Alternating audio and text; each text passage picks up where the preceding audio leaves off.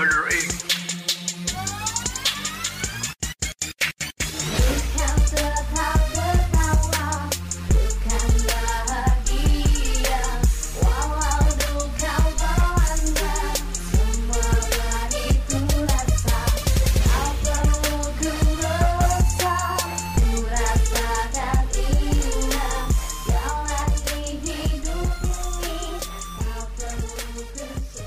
Ayo, welcome back.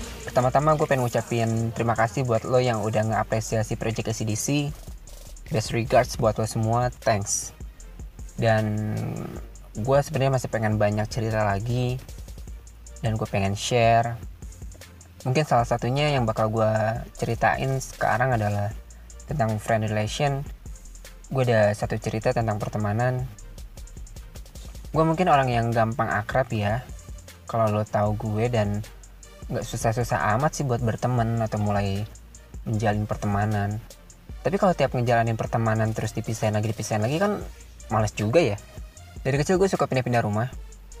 Bukan gue, nyokap bokap gue yang suka. Gue gua nggak suka. Dari umur gue sebelum TK sampai gue SMA, itu udah kayak top 10 ajang pencarian bakat tau nggak? Banyak banget gue pindahnya. Bisa dibayangin kan malesnya gue kalau ngebahas soal hubungan pertemanan kayak gini awal mulanya sih gue nggak begitu berasa. Gue berteman seperti biasa. Ketawa ketiwi hahihi pindah rumah adaptasi lagi kenalan lagi pindah lagi adaptasi lagi terus aja gitu. Sekali dua kali dan berkali-kali sampai akhirnya gue agak lupa juga sih kapan momennya. Itu sekitaran kelas gue 5 SD gitu. Gue pindah rumah lagi waktu itu dan di situ gue mulai ngerasain agak males buat berinteraksi lagi di sekitaran rumah gitu tempat di mana gue tinggal finalnya tuh waktu gue kelas 2 SMA gue harus bener-bener pindah rumah dan pindah kota. Itu gila tau nggak? Gue rasa itu salah satu loncatan besar yang membekas banget sampai sekarang. Karena gue minta konseling tentang hal ini tapi nggak berujung baik. Ujung-ujungnya ya berobat jalan sendiri lah. Mungkin lo bertanya-tanya gitu apa sih yang diributin? Emang kelihatannya hal sepele tapi pernah nggak sih lo bayangin asiknya balik ke rumah dan bisa say hi ke teman kecil waktu dulu teman main bola dulu teman main petak umpat dulu. Yang sekarang udah jenggotan dan nenteng anak.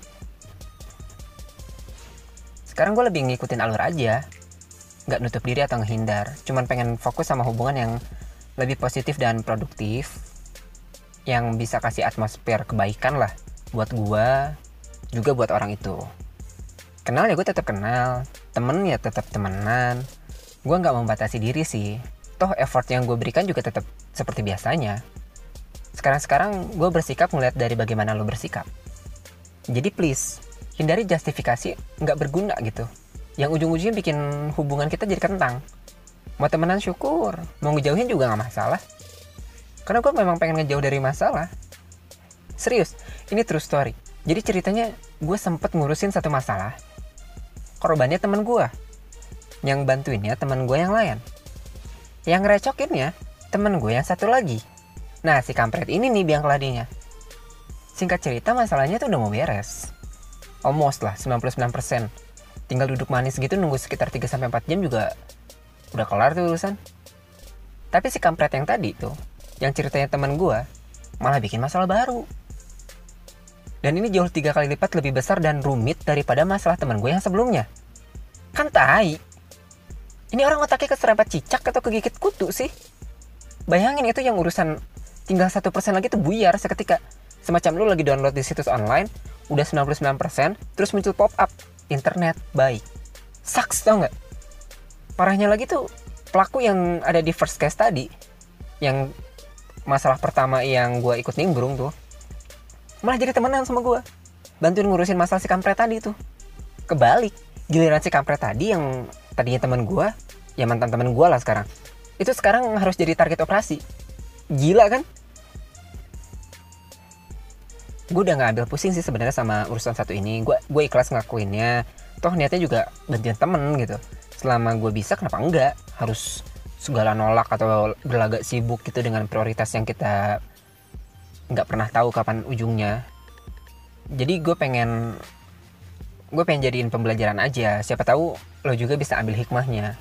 Gue udah ngalamin punya teman berubah jadi maling dan maling berubah jadi teman cuman dalam waktu satu malam aja cuman karena satu insiden aja.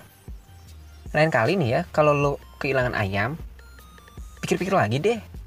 Kalau bisa sih diikhlasin aja udah. Soalnya yang ada hilang ayam habis domba.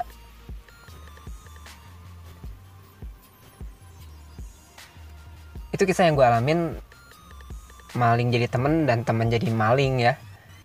Karena kalau cerita soal temen emang gak ada habisnya sih. Udah beratus-ratus nama tuh yang pernah singgah di kontak HP gua di Binder, di Facebook friend list. Gua nggak perlu bilang Friendster ya karena takut ketahuan umur gue berapa. Dan udah banyak juga nama-nama yang pernah gue tahu dan gue inget di daftar absen selama gue sekolah, selama gue hidup ini. Dan dari sekian banyak nama yang berjajar tuh, ada satu nama yang bikin gue inget dan pengen gue share ke lo semua. Entah kenapa setelah semua yang gue lakuin, atau yang gue alamin selama ini, ketemu orang jenis itu ini, semacam nggak ada nyawanya gitu ketika ngobrol. Beda gitu. Even passionnya sama, satu frekuensi atau satu hobi. Obrolannya mungkin sama, malah jauh lebih ber- berkualitas daripada ketika gue ngobrol dulu. Tapi beda aja gitu, ada yang lost atensi. Iya, itu yang bikin beda. Dia orang punya atensi yang bagus dan hidup. Temen gue ini semacam empati dalam emosi. Ini orang bisa benar-benar menghadirkan dirinya ketika berkomunikasi. Itu bisa ngebuat lo ngerasa didukung. Walaupun mungkin topiknya nggak dia ngerti nih, tapi rasa menghargai dan atensinya tetap berasa gitu. Beda sama orang-orang yang cuma angguk-angguk buah ke aja. Itu satu hal yang gue inget dan respect banget dari dulu sampai sekarang. Dari zaman potret masa depannya kloset 38 sampai botol minum FIFA 2010 silam. Dari terakhir kontek-kontekan redup hilang sampai sekarang udah istirahat dengan tenang. Pray in peace.